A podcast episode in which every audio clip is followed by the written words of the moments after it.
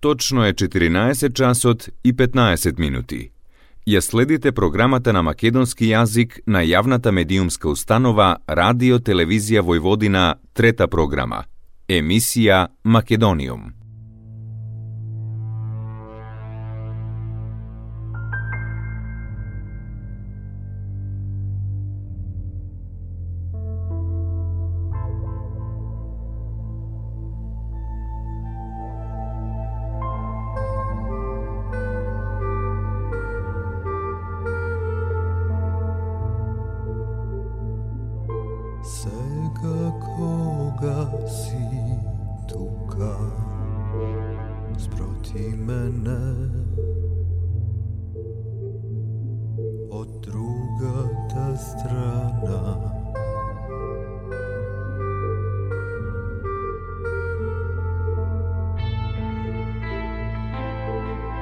No.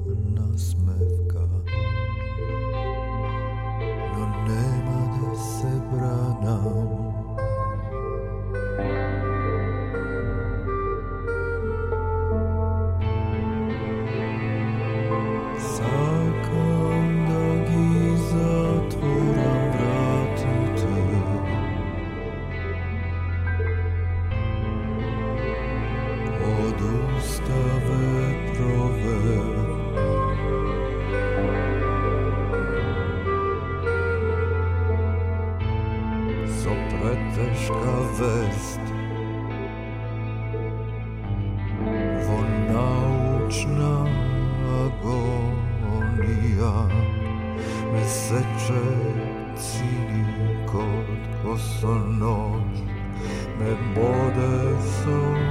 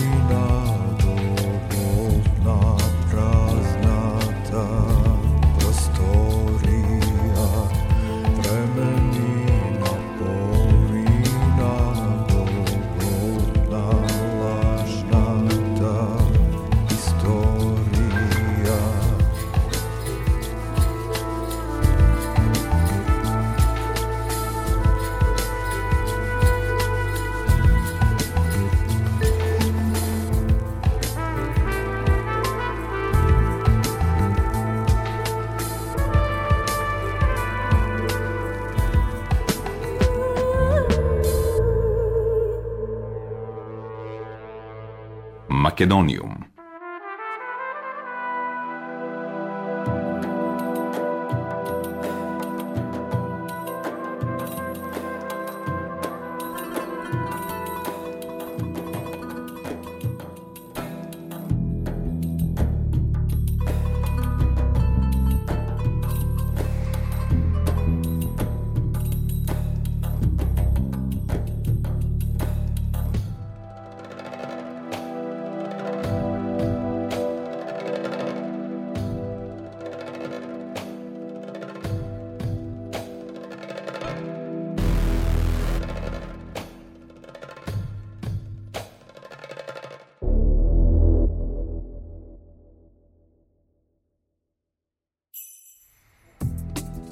Добар ден и добре дојдовте во најновото издание на емисијата Македониум. Со вас, почитувани слушатели, е вашиот уредник и водител Јулијана Милутиновиќ, секоја среда со почеток во 14 часот и 15 минути на фреквенцијата на третата програма на радиото при Радио Телевизија Војводина, Радио Нови Сад во денешното издание на емисијата Македониум, една мала промоција на она што се случуваше пред неколку дена во Скопје, поточно во понеделникот, промоција на петтиот албум на Fin Project, насловен како Fin Project Оркестра, кој беше промовиран во аудио центар Болин во градскиот трговски центар во Скопје. Со оваа промоција се одбележа и 10 годишното музичко постоење на Fin Project. Албумот Оркестра промовира култура, уметност, еднаквост и слобода, ставајќи акцент на традиционалните културни вредности, а за сето тоа денеска ќе ни зборува Никола Стојковски, авторот и композитор на музиката на Fin Project. Никола, добре дојдовте и големо благодарам што во овие денови низ сите подготовки за промоцијата најдовте време и за овој разговор. Здраво, Јулијана. Поздрав до вас и вашите слушатели. Благодарам за поканата да бидеме дел од вашата емисија, но во исто време и да ви го честитам неодамнешниот јубилеј и да ви посакам уште долги години, децени, успешна работа како и досега. Овој месец, февруари 2023 година, е периодот кога Fin Project го слави својот 10 годишен јубилеј на постоење и месец во кој ќе биде промовиран нашиот петти јубилеен албум, наречен Fin Project Оркестра. Уште еднаш, Никола, добре дојдовте и ви благодарам што издвоивте време денеска. Ајде малку да слушнеме повеќе нашите слушатели да се запознаат со Fin Project. Оваа наша музичка приказна започна во 2013 година со нашиот деби албум Битови и орнаменти во Македонија. Потоа следеше нашиот втор албум со име Едно е сонцето во 2015 година. Следуваше албумот Ревизија 2018 година, како и Време, живот, слобода, албум од 2021 година. Што најмногу влијаеше да се започне сега веќе 10 годишно патување низ искуството како автор? Музичкиот израз ни сите овие албуми е автентичен, можно интересен и специфичен. Се започна со првиот, како што рековме, албум Битови и орнаменти во Македонија, каде направивме спој, една фузија помеѓу современата електронска музика и македонскиот традиционален мелос. Се работи за преработки на песни од резницата на македонската музичка култура, кои беа обработени во современи електронски аранжмани, за разлика пак од вториот наш албум, Да, едно е сонцето, каде што се работи за комплетна авторска музика, со исклучок на номерата Црно писмо од нашиот легендарен композитор Ристо Аврамовски, од неговото дело етнографофонија, во изведба на женскиот младенски хор при Младенскиот културен центар под диригентската палка на маестро Запро Запров. Како гости на овие два албуми се појавија мои драги пријатели, тогаш веќе реномирани музичари, но и млади инструменталисти, големи таленти во тоа време – а сега исто така успешни музичари. Тоа беа Даниел Маневски на кавал, Боби Серафимовски на гитара и пијано, Елена Христова и Теја Богатинова како вокали, како и Владко Георгиев на клавиатури, Ангела Стевковска како вокал, Никола Николовски на канун, Зоран Велковски гитарист, Филип Нуне на труба, Александар Трајковски на кларинет и Джоле Максимовски бас гитара. Следуваат двата албуми Ревизија и Време, живот, слобода. На овие два албума нашата авантура, нашата музичка приказна тргна кон патот на фузирање на современата електронска музика и джез. Овој пат како гости на Film Project.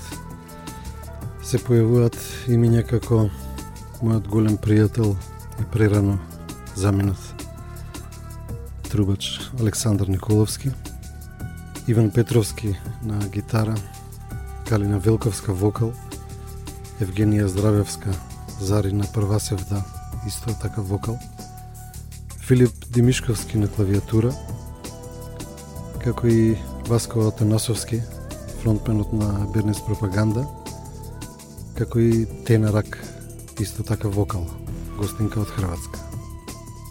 Ведран Нановски на гитара, Драган Стојковски на бас, Горан Трајковски Готра, фронтменот на нашиот легендарен бенд Анастасија, како вокал и текстописец. Ненад Стефановски, Фулиш Грин, Панче Бојуклиев на устна армоника, Милена Тодоровска Мурговски виолина, како и мојата поубава половина Билјана Петровска на пиано. Музиката на Fin Project не е комерцијална. Колку е тешко да се дојде до вистинските влюбеници на она што се нарекува world music на нашите простори.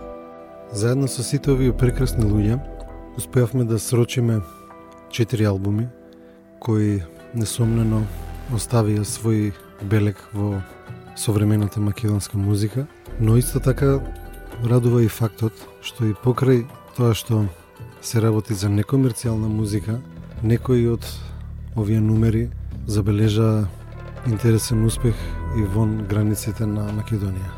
Албум на месец, албум на годината, топ 10 синглови во последната декада се само дел од резултатите кои сведочат за фидбекот на музиката на Fin Project во и вон Македонија. Македониум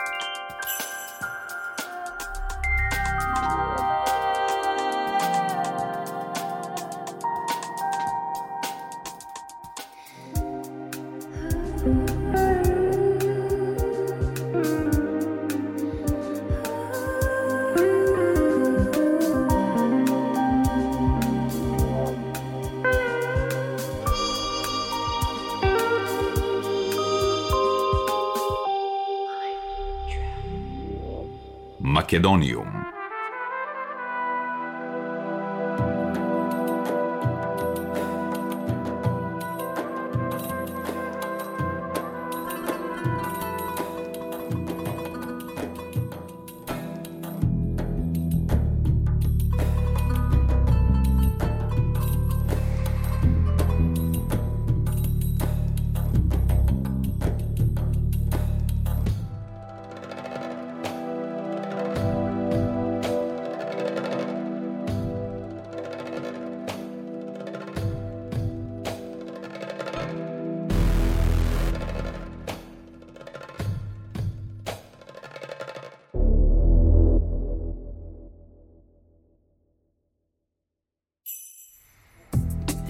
Во денешното издание на Македониум зборувам со Никола Стојковски, а слушаме и музиката на Фин Project, кој на јубилејот на неговиот Фин Project се ни гостува во емисијата.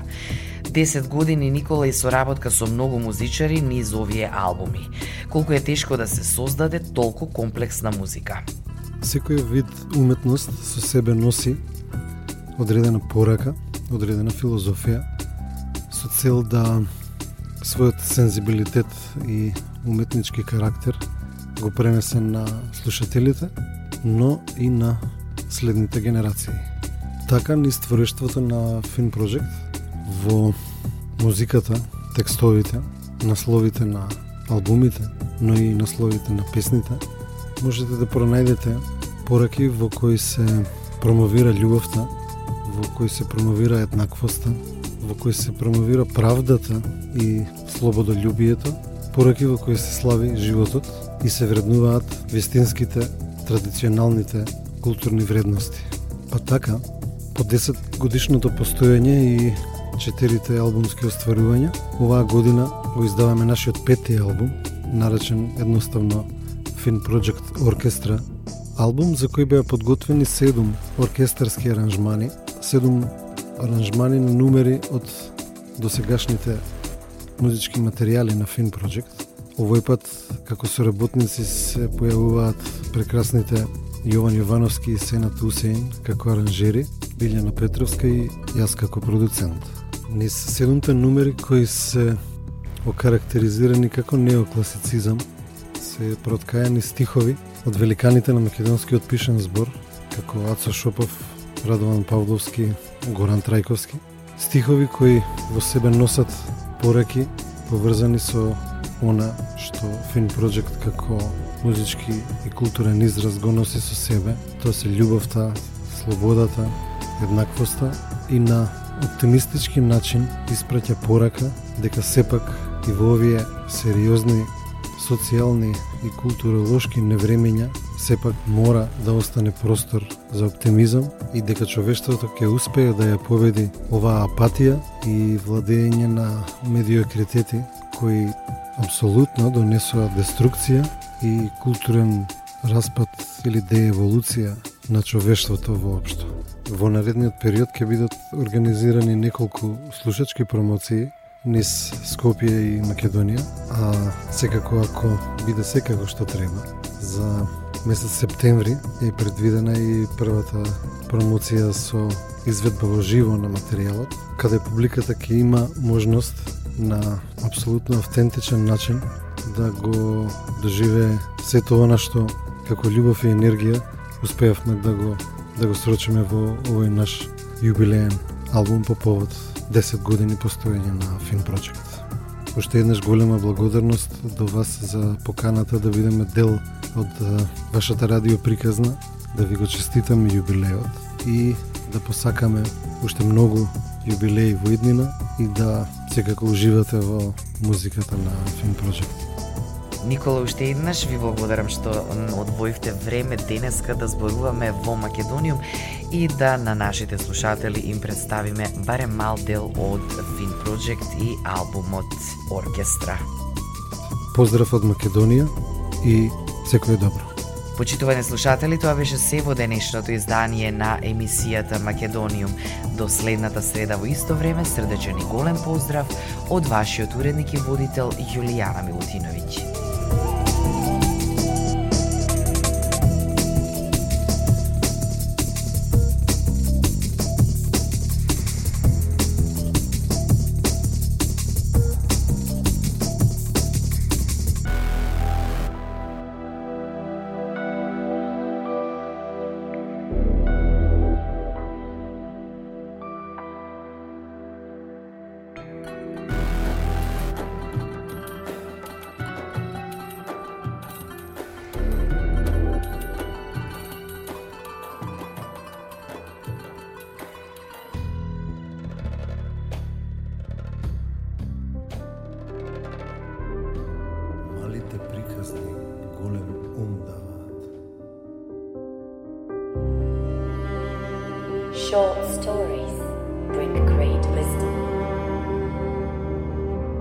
القصص الصغيرة فيها حكم كثيرة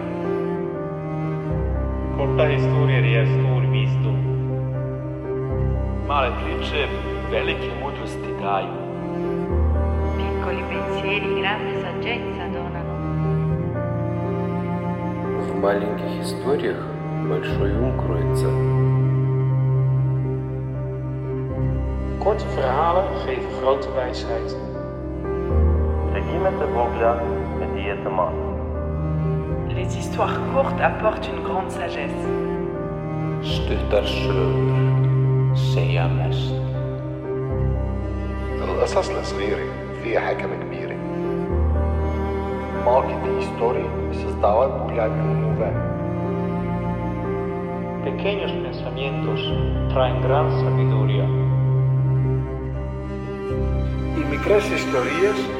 Μεγάλη αότη. Die kleine geschehen, große Weisheit entgehen. So die Kahania, verrate Martin. Majhne pripovedi skrivajo velike modrosti. القصص الصغيرة فيها حكم كبيرة. Kratke pripovedi prinašajo veliko moč. Küçük hikayeler büyük bir zihin verir.